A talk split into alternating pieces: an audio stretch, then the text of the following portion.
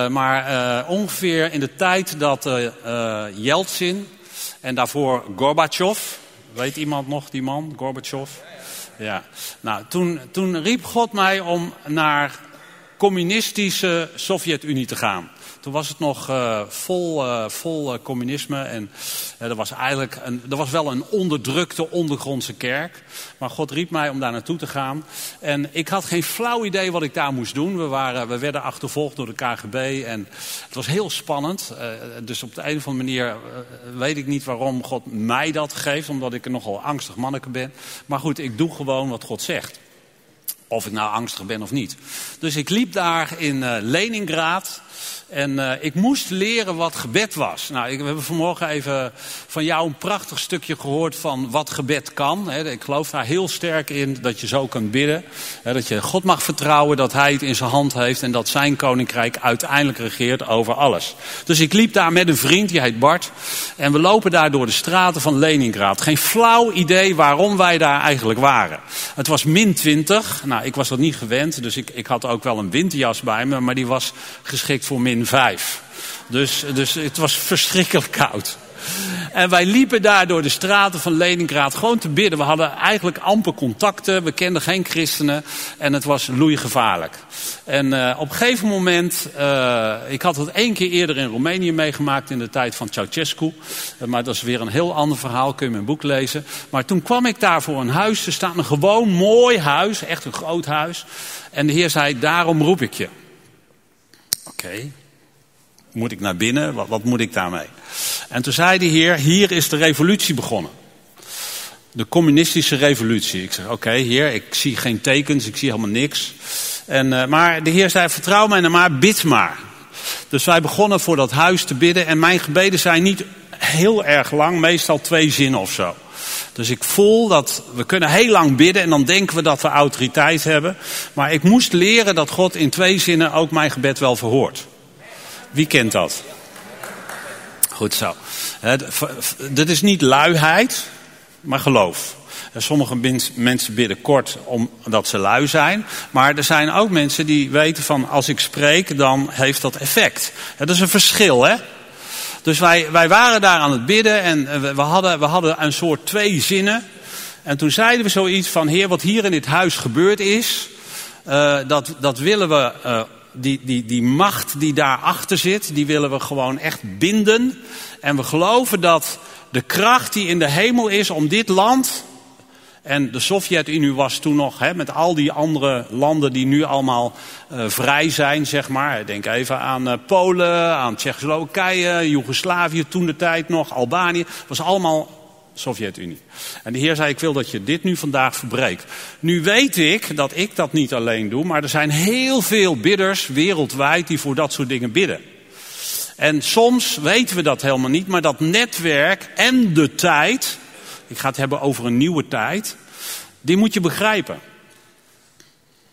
Iedereen weet dat als het koren op het land gezaaid is, dat je het nog niet kan oogsten. Iedereen weet dat als de aren naar boven komen, maar ze zijn nog niet volgroeid, is het ook niet wijs om te oogsten.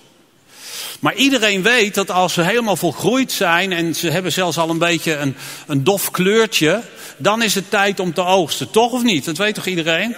Maar geestelijk is het net zo. Heel veel mensen gaan oogsten terwijl er nog niet gezaaid is. Heel veel mensen proberen hun buren te bereiken en, en op hun werk, terwijl eigenlijk er eerst iets anders moet gebeuren. Dus het is belangrijk dat je weet wat de tijd van God is. Hebben we dat? Dus ik liep daar, niet wetende wat God allemaal van plan was om over die landen te gaan doen. En wij, wij baden dat gebed, en ik weet niet of je dat kent, maar dan heb je op een gegeven moment het idee, wauw, hiervoor ben ik. En we hadden geen flauw idee waarvoor we waren. Een jaar later, misschien hebben jullie die beelden toen de tijd van Jeltsin wel eens gezien. Toen waren mijn vrouw Ina en ik. Ina is trouwens ook bij vanmorgen, gezellig. Dat is echt gezellig. Uh, ze zegt alleen weinig nu vanmorgen. Maar wie weet, je weet nooit met haar. Komt ze in één keer het podium opstormen en dan begint ze te praten. Dat, dat gebeurt de laatste tijd, dus je weet maar nooit. Maar, maar op een gegeven moment, een jaar daarna, zaten Ina en ik in Moskou. En toen uh, zaten wij in een, in een, uh, in een hotel. En toen, toen hoorden we dat er iets werd geschoten en zo. Wij zaten drie kilometer afstand van dat hele grote witte kantoorgebouw van de radio, waar Jeltsin met zijn tank naartoe reed om daar de macht over te nemen. Weet iemand dat nog? Ja? Dus, dus in dat soort situaties brengt God mij vaak. En dat zijn situaties dat de tijd verandert. De oude tijd stopt en er gaat iets nieuws gebeuren. Hebben we dat? Nou, heel snel daarna werd uh, Leningrad omgedoopt met een nieuwe naam. Sint-Petersburg. En dat komt natuurlijk van Peter de Grote, hè, die, die is daar. Uh, maar ik denk altijd, ja, dat denken de mensen. Maar eigenlijk kwam het omdat ik daar ben gaan bidden. Is dat trots? Ja, vind je dat, Arthur? Is dat trots? Of weten wie je bent?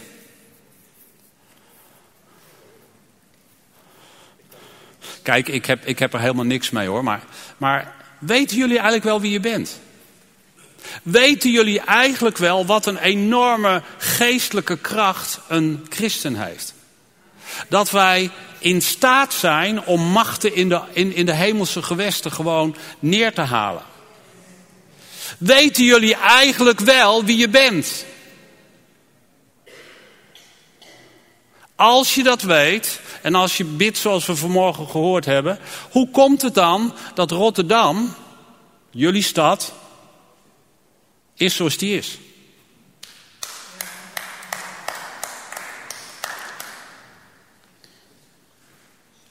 Wat ga je eraan doen?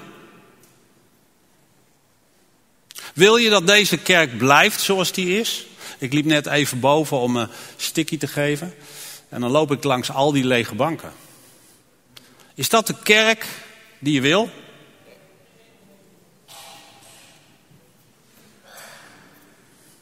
Wat is de tijd? Wat zegt God over de tijd?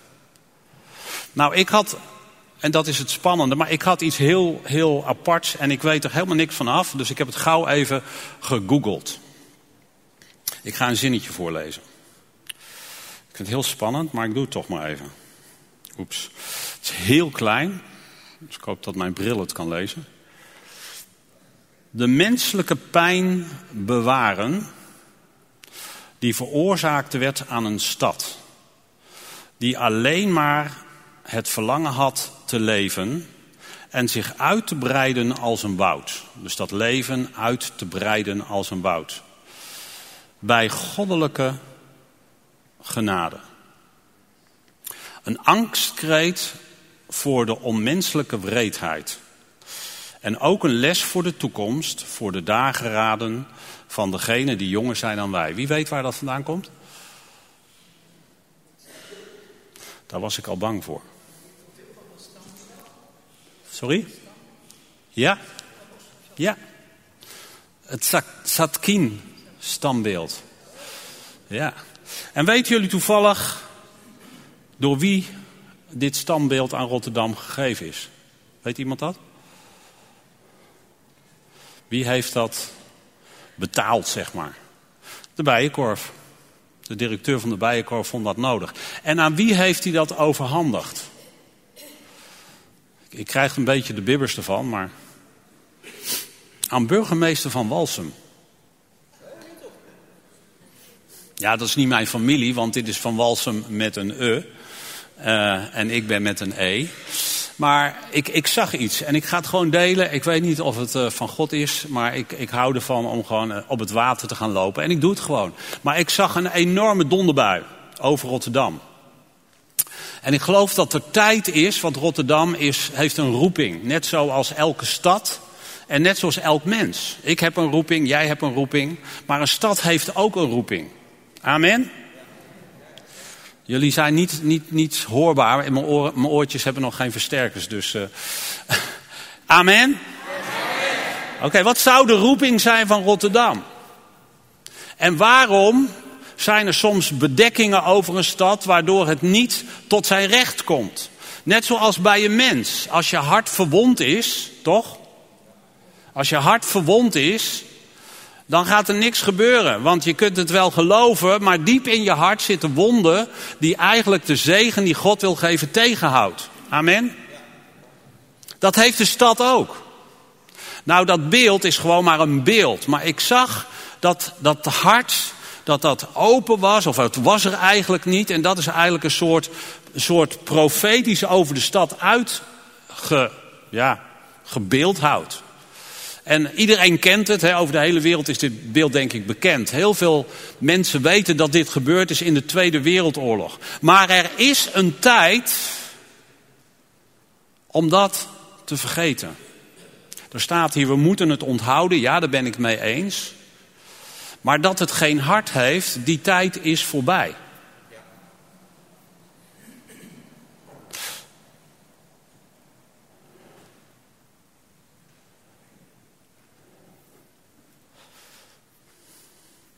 Ik voel in de geest. Ik, ik ga nog een ander verhaal vertellen. Om even aan te geven wat gebed doet. Ik voel in de geest dat, dat God mij niet 30 jaar geleden uh, in die landen gestuurd heeft, maar we leven vandaag. Het is mooi om getuigenis te hebben over 30 jaar geleden, toch of niet? Fijn om te vertellen, maar het is veel mooier om dingen te vertellen die vandaag gebeuren. Ik maak heel veel natuurverschijnselen mee. Als wij naar bepaalde plekken gaan, we zijn een keer in Teheran geweest en daar hebben we een mega donderstorm meegemaakt toen we daar aan het bidden waren. Echt ongelooflijk. Een soort Elia-ervaring. Er was geen wolk, helemaal niks en in één keer begon het te stormen. Nou, in dat, dat soort landen waar ik kom is dat eigenlijk best wel ook weer, ja dat gebeurt daar. Maar, en dan moet je ook denken aan bijvoorbeeld een aardbeving, heb ik ook wel eens meegemaakt. Maar als dat in Nederland gebeurt, ja in Groningen hebben ze ook aardbevingen, toch of niet? Maar als het in Nederland gebeurt, dan is het wel heel bijzonder, vooral in Maastricht bijvoorbeeld. Toch? Wij hadden een gebedssamenkomst over een bepaalde situatie. Ik kan even niet uit, uitleggen wat het is. Maar, en, ik, en wij waren daar met een gebedsteam van een aantal voorgangers en leiders. En ik had echt het idee, God stuurt mij vandaag om te vertellen in die stad dat daar iets gaat gebeuren. Ik ben al heel lang bezig met de beeldenstorm. Geschiedenis 500 jaar geleden. Maar ik voel dat God daar iets mee aan het doen is. Iets van verzoening. En de Heer zei van ga daar beginnen. En wij begonnen daar en we kregen inzicht. En de dag ervoor dat we gingen bidden stond in de krant. En een van die mensen die had dat gelezen. Die zei er waren acht aardschokken toen wij kwamen. Voordat wij kwamen. Nou dat is bijzonder. Toen wij terugreden, Ina en ik hadden daar geslapen en we moesten in de, in de, in de samenkomst spreken. En toen wij terugkwamen, toen, toen uh, Ina was lekker in de auto aan het slapen en dat doet ze wel eens vaker. En, en ik zat heerlijk te chillen en te genieten van wat er allemaal gebeurd was. En in één keer zag ik een donderstorm op me afkomen. Heb je dat wel eens meegemaakt? Dat, dan zie je het heel donker worden en je krijgt zo de kriebels en je voelt even mijn stuur goed vasthouden. En in één keer was er een enorme blits, flits vlak naast mijn auto. Heb je dat wel eens meegemaakt? Dat is scary.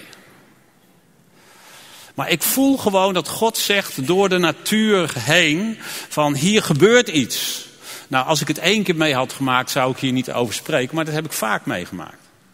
En ik voel in de geest dat er boven Rotterdam zo'n donderstorm is.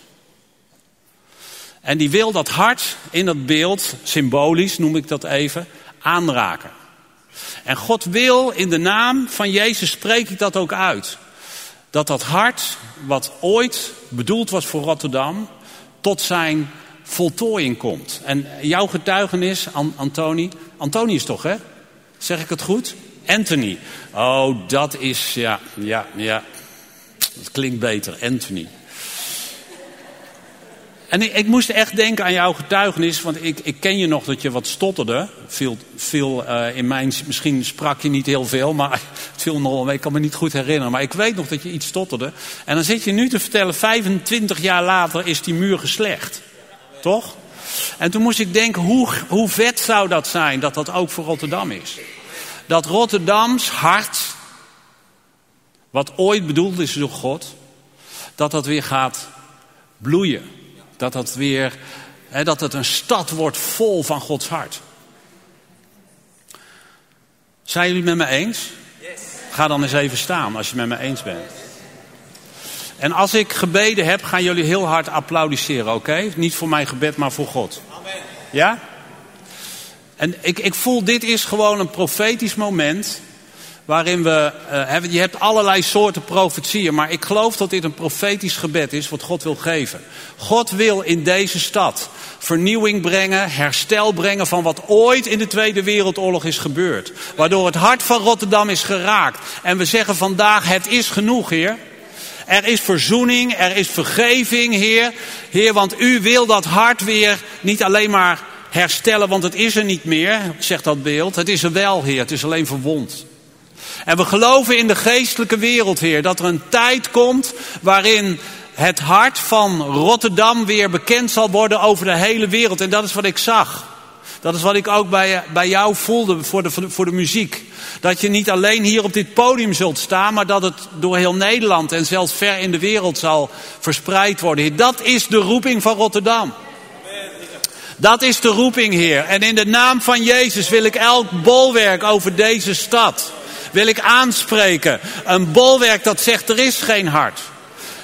In Jezus' naam willen we die gedachte gewoon totaal binden, Heer. Dat zal niet langer meer over deze stad regeren. Heer, uw hart zal in dat lege hart komen, Heer.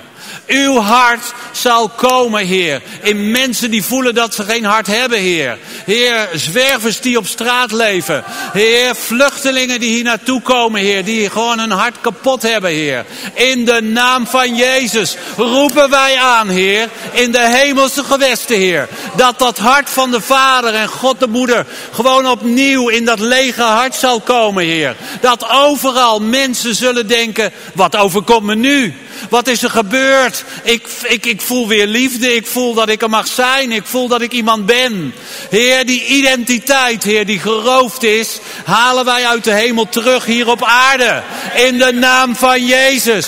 Heer, het is goed om Rotterdammer te zijn. Heer, het is goed, Heer, om hier te wonen, Heer. Het is goed, Heer, om hier gezegend te worden met je hele gezin, Heer. Ik verbreek de vloek, Heer. Heer, die over gezinnen is gekomen. Een vloek, Heer, die over gezinnen is gekomen. Heer, waardoor de scheiding komt, Heer, waardoor de verwijdering komt. En waardoor je denkt, ik ben mijn kind kwijt, het zal nooit meer terugkomen. Heer, het hart komt terug van de vader. Het hart komt terug van de moeder. Heer, er zal weer een plek zijn waar je thuis komt, Heer. En dit is een van die vele plekken, Heer. Dit is een van die vele plekken waar je graag aan een mannenontbijtje komt zitten. Waar je graag thuis op de koffie komt bij iemand die hier bij deze gemeente hoort. Omdat we weten, Heer, dat het hart er weer is.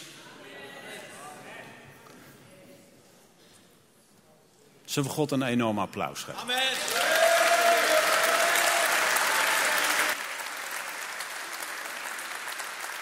Jezus. Halleluja, Heer. Woe! In Jezus' naam. In Jezus' naam. U bent de hersteller, Heer. U bent de hersteller. Halleluja. Ik wil, normaal doen we dat altijd aan het eind van de dienst, maar ik hou niet van rituelen, dus we doen het gewoon nu even. Als er iemand is die zegt, ik heb een partner die niet gelovig is, of als je een kind hebt dat je kwijt bent en eh, dat God niet dient, mag je even hier naar voren komen staan. Kom maar. Als je het geloof kwijt bent dat God daar iets in kan doen. Halleluja. Ik wil, je, ik wil je een kort verhaal vertellen terwijl je naar voren komt. En er gaat echt iets gebeuren, mensen geloven het. Er gaat iets gebeuren vanmorgen. Ik, uh, ik heb een uh, student, die woont in Arnhem. Het is een kamper. Uh, je mag, je mag op een rij staan, maar het hoeft niet per se hoor, net wat je gewend bent. Maar, maar zij, zij heeft een verschrikkelijke jeugd gehad. Een enorme ruzie met de moeder. Alles is fout gegaan eigenlijk in haar leven. Twee, drie keer gescheiden. Kinderen van verschillende mannen. En er is eigenlijk geen zegen meer. En zij is tot geloof gekomen door een vriend van mij. Hij heeft haar meegenomen naar onze school. En op een gegeven moment hadden wij een stoel staan, een rode stoel. En uh, daar ging ze op zitten en zij kreeg een ervaring met God als moeder. Zij had heel veel problemen met haar moeder. En ze heeft haar moeder kunnen vergeven wat er allemaal gebeurd was. En uh, nou goed, we hebben toen, dat ga ik nu over jullie doen. We hebben een, een vloek die over die familie zat verbroken. Het is gewoon een heel simpel gebed, helemaal niet ingewikkeld. Maar het is het geloof wat wij daarin hebben. Dat, dat die geestelijke vloek verbroken kan worden. En dat God dan aan het werk. Je hoeft er helemaal niks voor te doen. Dus niet harder naar je man of vrouw of kind gaan bellen en appen en doen. Van hé, hey, dit was zo bijzonder, nou moet je naar de kerk komen. Nee, dat is niet wat ik bedoel. God gaat het doen. Amen. Door jou heen, door jouw geest heen. Niet door jouw woorden heen, alleen als de Heer dat iets laat zien. Wat gebeurde er? Op een gegeven moment belt ze op en zegt: Piet, mijn vader heeft kanker. En hij ligt in het ziekenhuis, ik moet er nu heen. En er zijn allemaal wonderen gebeurd, maar we, zijn daar specifiek voor gaan bidden. En die, die zegen is daar omgedraaid. Die vader die uh, in, het ziekenhuis werd steeds beter. Uh, paar maanden later is hij compleet genezen verklaard. Hij was opgeschreven tot. Hij was, hij was ten dode opgeschreven. Maar dat is, dat is bijzonder. Genezing is altijd bijzonder. Maar wat veel bijzonder was, toen belde ze me op. Zegt Piet, ik heb een zoon die moet niets van God weten. Elke dag luistert hij naar Jezus muziek. Elke dag praat hij nu over God. Hij gaat niet naar de kerk, maar hij is altijd met God bezig. En hij zegt, mam, ik weet het niet. Vroeger dwong je mij om, om Jezus te volgen en dat wilde ik niet meer. En, en nu lijkt het wel of Jezus gewoon steeds bij mij is. Hetzelfde met haar dochter. Die begint nu ook over Jezus te praten. En nu heeft zij haar eigen ecclesia community met allemaal van dit soort vrouwen en die beginnen hetzelfde mee te maken. Dat is wat er gebeurt als een vloek verbroken wordt. Je, je weet niet wat er gebeurt, want in de geestelijke wereld gebeurt er iets. Heel vaak denken wij dat we iets moeten doen. En soms activeert Gods geest ons ook. Maar heel vaak lopen we God steeds maar voor de voeten. Besluit om het samen met Jezus te doen. Niet voor Jezus. Snap je wat ik bedoel? Oké, let's pray. Vader, staan hier veel mensen, dat raakt me hart. Er staan hier meer mensen voor dan dat er mensen in de kerkzaal zitten. Dat raakt me hart, Heer. En ik geloof dat dat te maken heeft met waar we net voor gebeden hebben. Dat, dat hart wat gestolen is. Dat hart van de vader, dat hart van de moeder. Dat, dat gewoon vernietigd is. In dit geval door de oorlog, Heer. Maar het is ook door de geest van de duisternis. De geest die in de, in de hemelse gewesten is en die het hart van de vader en moeder kapot maakt. Heer, vandaag willen wij in de naam van Jezus Christus geloven, Heer, dat aan het kruis die pijn gedragen is door Jezus. Hij heeft de hemel verlaten als de zoon van God. En hij is gestorven als de zoon van God. Waarom? Om, vrij te, om ons vrij te maken van die vloek. Van die pijn. En die staan allemaal mensen die hebben verdriet en pijn, hier. Er zijn er te veel. Van als je, als je echt van iemand houdt. En je kunt niet delen, Heer, van die vaderliefde. En je kunt niet delen van die moederliefde.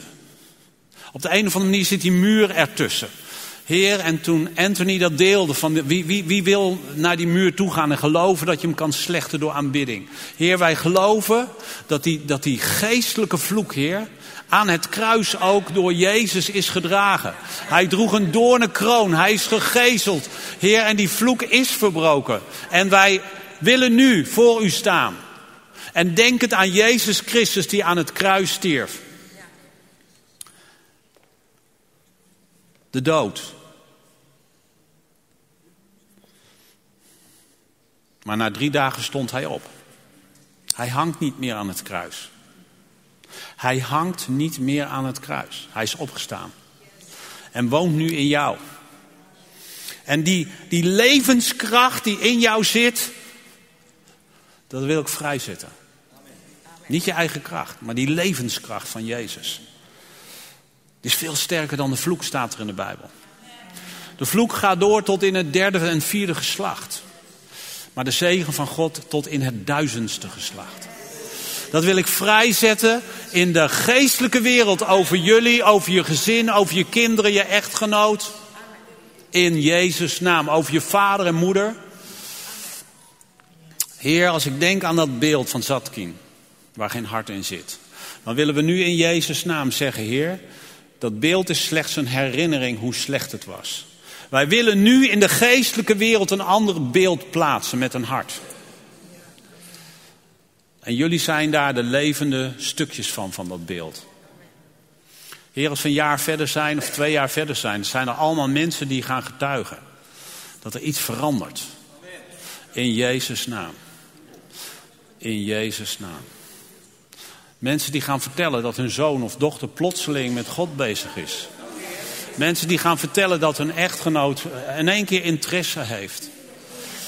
Heere God, wat er nodig is vandaag, is gewoon een uitstorting van uw vader- en moederliefde. Heer, laat het maar komen.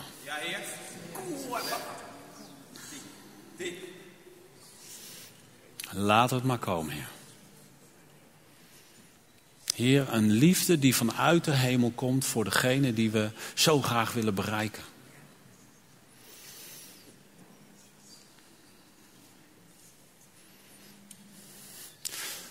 En eigenlijk verder geloof ik niet dat ik nog iets moet doen. En ik wil alleen aan jullie vragen als je handen open hebt. Zeg maar, Heer, hier sta ik. Ik ontvang wat u wil geven om mijn geliefde kind of mijn geliefde echtgenoot gewoon die liefde te laten zien. Hier ben ik.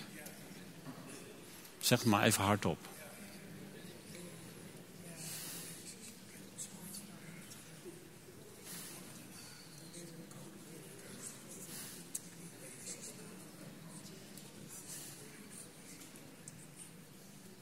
In Jezus' naam.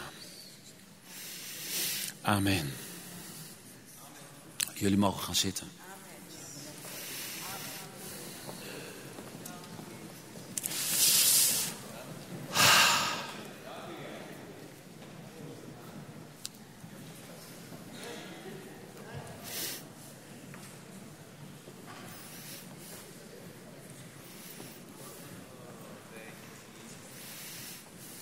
Ik, ik, hou, ik hou gewoon van jullie. Ik weet niet wat ik heb, maar ik, ik, ik kan er ook niet. Ik heb eigenlijk weinig nog te zeggen. Maar ja, goed. Ik, ik merk gewoon, ik heb zoveel liefde voor deze mensen. Hier. Jezus. Ik geloof dat God zo van Rotterdam houdt. Ik, ik, ik, ik zit, ik, ik, van binnen heb ik zoveel over de stad dat ik denk van Heer, wanneer? Wanneer wordt Rotterdam de stad waarin de meeste mensen zich christen noemen in Nederland? Halleluja! Oh, Heer! Wat over de hele wereld gaat. We hadden van de week een gebedsaanval in Haarlem. En ik heb een droom. Ik heb altijd een droom. Heer, als, stel je nou voor dat een burgemeester zegt: Jezus is koning van mijn stad. Dat zou toch geweldig zijn? Zouden jullie dat ook niet willen? Nou, afgelopen vrijdag is mijn droom uitgekomen. Ja, de burgemeester heeft ook meegebeden. En dat kan. Word je stil van, hè? Kijk, als je dromen hebt, moet je zorgen dat ze waar worden. Dromen worden niet waar als je op je stoel blijft zitten. Ik ben gek genoeg om iemand dat idee te vertellen. Van joh, zouden we naar de burgemeester kunnen gaan? Misschien wil hij wel meebieden. En een paar ondernemers. En een paar mensen uit de zorg. Een paar kunstenaars. Mensen die uh, bezig zijn met families. Dat zou toch te gek zijn dat je in, in de stad, en tegenwoordig kan dat allemaal met Zoom, hè, je hebt allemaal mogelijkheden. Maar dat al die mensen op één gebedsbijeenkomst zitten in hun locaties. En dan gaan we gewoon de zegen van God over die stad uitbidden. En stel je nou voor dat, dat mensen gewoon die daar aan de macht staan ook dat zegenen. Denk je niet dat dat krachtig is? Nou, dat is gebeurd van de week. Zouden jullie dat ook niet voor Rotterdam willen? Ja, willen alleen is niet genoeg. Ga ervoor bidden hoe God je daarin kan leiden. Goed. Nou, nou stop ik, want anders heb ik helemaal uh, mijn onderwerp nog niks. Oh, oh, het is al tijd geloof ik, of niet? Nee, nog vijf minuten, hè? Vijf minuten. Mag even de, de scherm aan? Ik wil toch even gauw.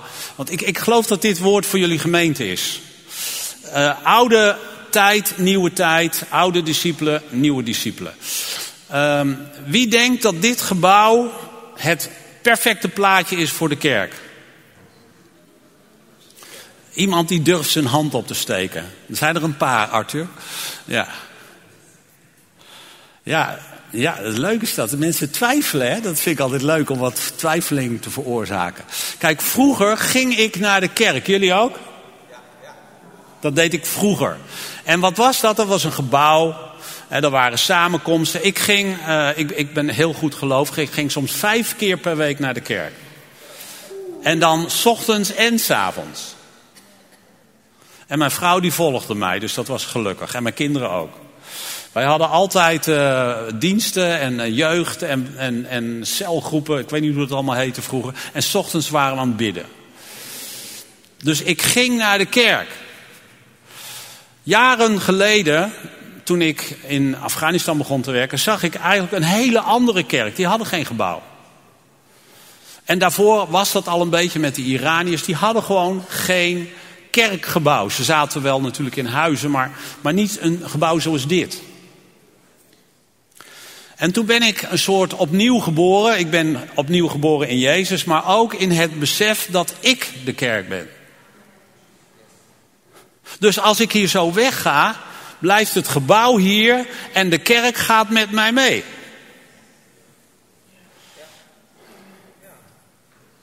Laat het even zakken. Dus als je thuis bent, heb je de kerk in huis. Dat is grappig. Dus, um, oh, ik moet toch ook nog wel een Bijbeltekst noemen vandaag. Uh, Matthäus 18 staat dat. Waar twee of drie in de naam van Jezus bij elkaar zijn, is Hij in het midden. Dus als ik met Ina thuis ben, s ochtends, is daar de kerk. Dat zeg ik nooit tegen haar. Want dan, dan, dan gaat ze gillen. Kijk, we hebben nu een kerkdienst samen, vrouw. Dat zeg ik niet, maar ik geloof het wel. En als wij dan, wij hebben zo'n gebedsboekje, dat gebruiken we een aantal keer per week, niet elke dag, maar gebruiken we gewoon. En dan gaan we bidden. En, niet heel lang, Ina houdt niet van lang bidden, vijf minuten is zat.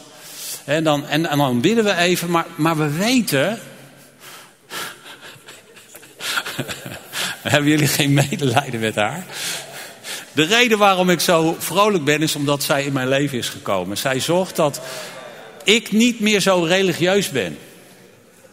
Daar heeft zij voor gezorgd. Eigenlijk alle religieuze dingen heeft ze de deur uitgeschopt. Ja, dat is echt verschrikkelijk. Dus het christen zijn is door haar heel leuk geworden.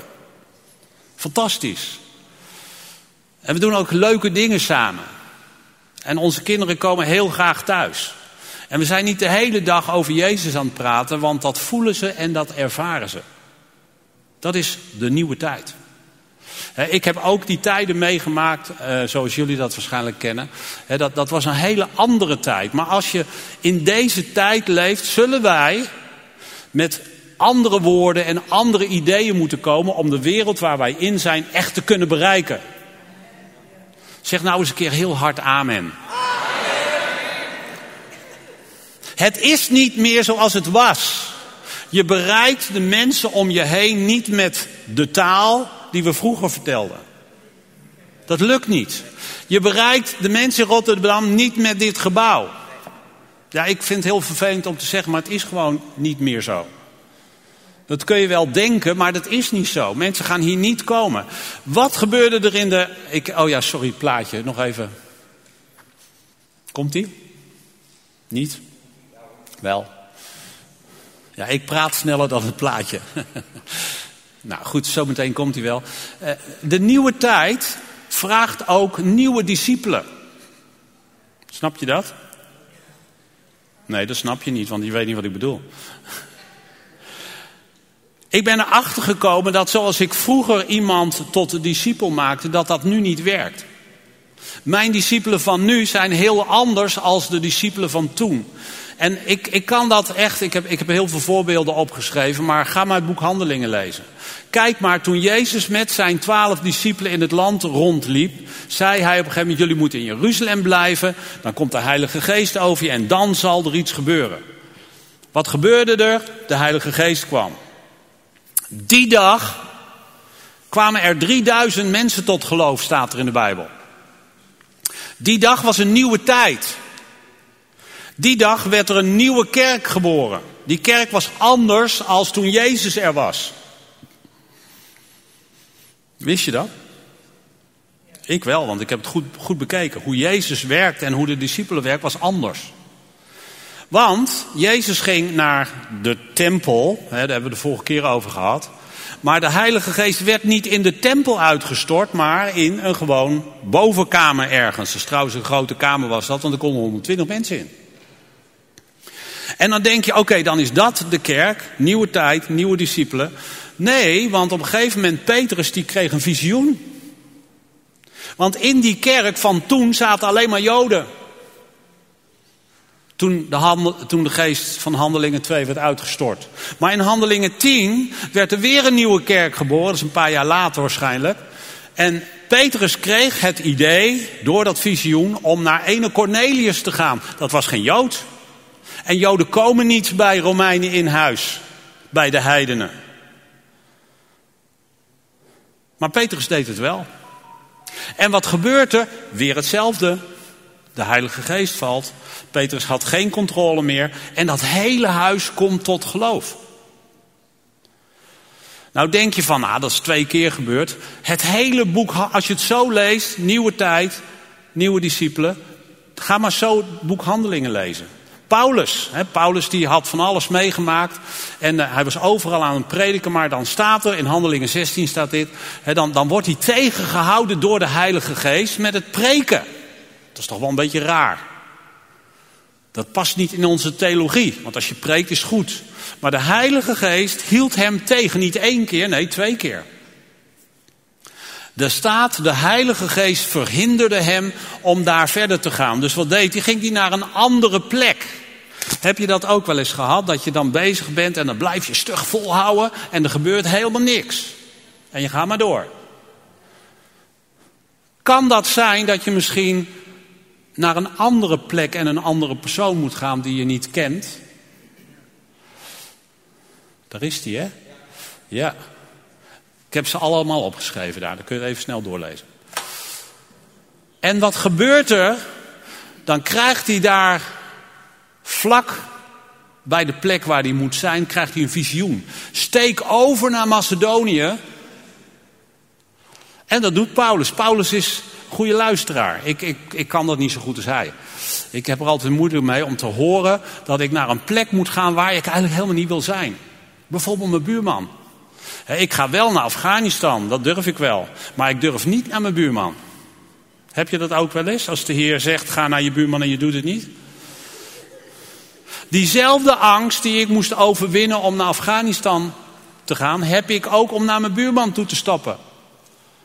Het blijft diezelfde drempel die je over moet stappen als de geest tot je spreekt. Maar wij hebben de geest al zo vaak het zwijgen opgelegd dat we er helemaal niet meer naar willen luisteren.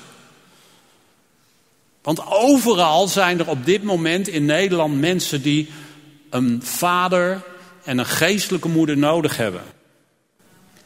En de geest zit te wachten tot wij uit het kerkgebouw komen. En dan bedoel ik dus niet alleen letterlijk het kerkgebouw, maar het plaatje van wat wij hebben van kerk. En dat we eruit stappen en dat we dan gewoon doen wat de geest zegt. In het gebed van deze week had ik het idee dat ik uit moest stappen. ik, ik had vroeger echt iets tegen de katholieken. Misschien zitten hier nog wel mensen die dat ook hebben, maar ik voel dat de Heer de hele tijd tegen me zegt: daar gaat een opwekking komen. Ja, Heer, maar sorry, ik ben protestant. Ik wil toch ook wel graag in mijn eigen club. En even om aan te geven, we hebben twee BAVO's in Haarlem. In de 1500 was het een katholieke kerk, de grootste kerk van Haarlem. Een gigantische kathedraal, misschien ken je wel. En we zouden, daar, we zouden het te gek vinden dat we daar mochten bidden. Maar we wisten dat de dominees niet van gebed houden. Protestantse kerk is het nu. De katholieken zijn eruit gegooid door de protestanten. En deze twee dominees die er nu zijn, die, die, die, die vonden het eigenlijk niet prettig dat we in de kerk eh, gingen bidden. Want ja, ja, ze hebben niet zoveel met gebed. Dat is Nederland, hè? Ja. En toen zei ik, weet je wat, we gaan naar de katholieke BAVO. Misschien mogen we daar wel bidden.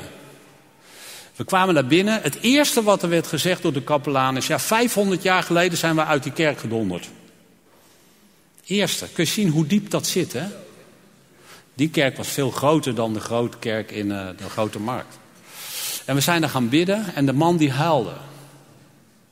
En hij zei, dat protestanten in mijn kerk komen bidden, dat is toch geweldig. Zo, halleluja. Dat is toch geweldig. En deze man is volop bezig met Alpha Kerk, uh, huwelijk, counseling. Elke dag zit er in die kerk een groep van 20, 25 mensen die gediscipeld willen worden. Katholieke kerkmensen. Dus wat is jouw kerk?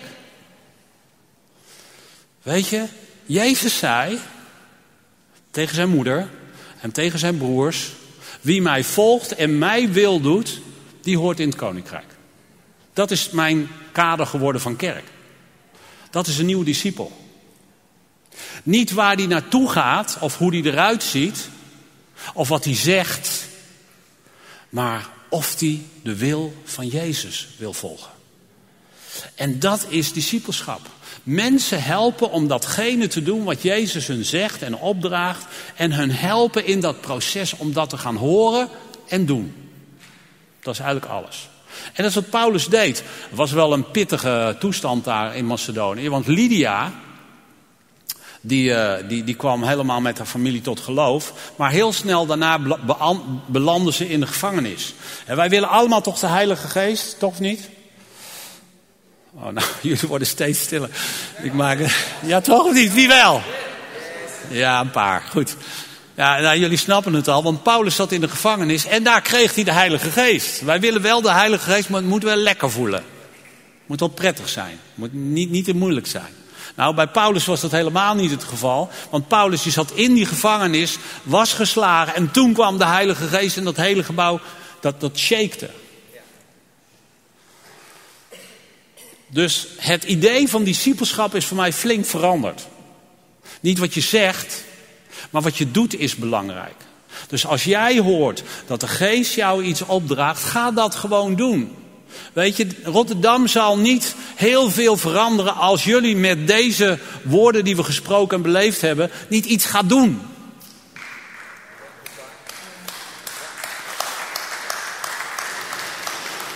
Ik moet stoppen.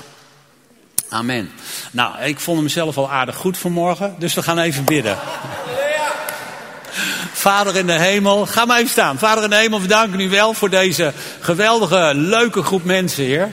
En uh, ik, ik, ik, ik merk ook gewoon dat u in deze, er zit, lieve mensen, er zit zoveel potentieel in jullie. Iemand had het over zaad, ik ben even vergeten wie, maar, maar ik, ik geloof echt dat het een woord van God was. Was jij, was jij dat niet? Ja? Jij zei dat over dat samen. Weet je, dat zit in jullie hart. Het zit er al. Jullie hebben zoveel mooie woorden gehoord en zoveel geweldige dingen ook al meegemaakt. Maar het is een nieuwe tijd. Denk even aan de goede tijden die jullie gehad hebben, want hier was glorie in de kerk. Er gebeurden heel veel dingen.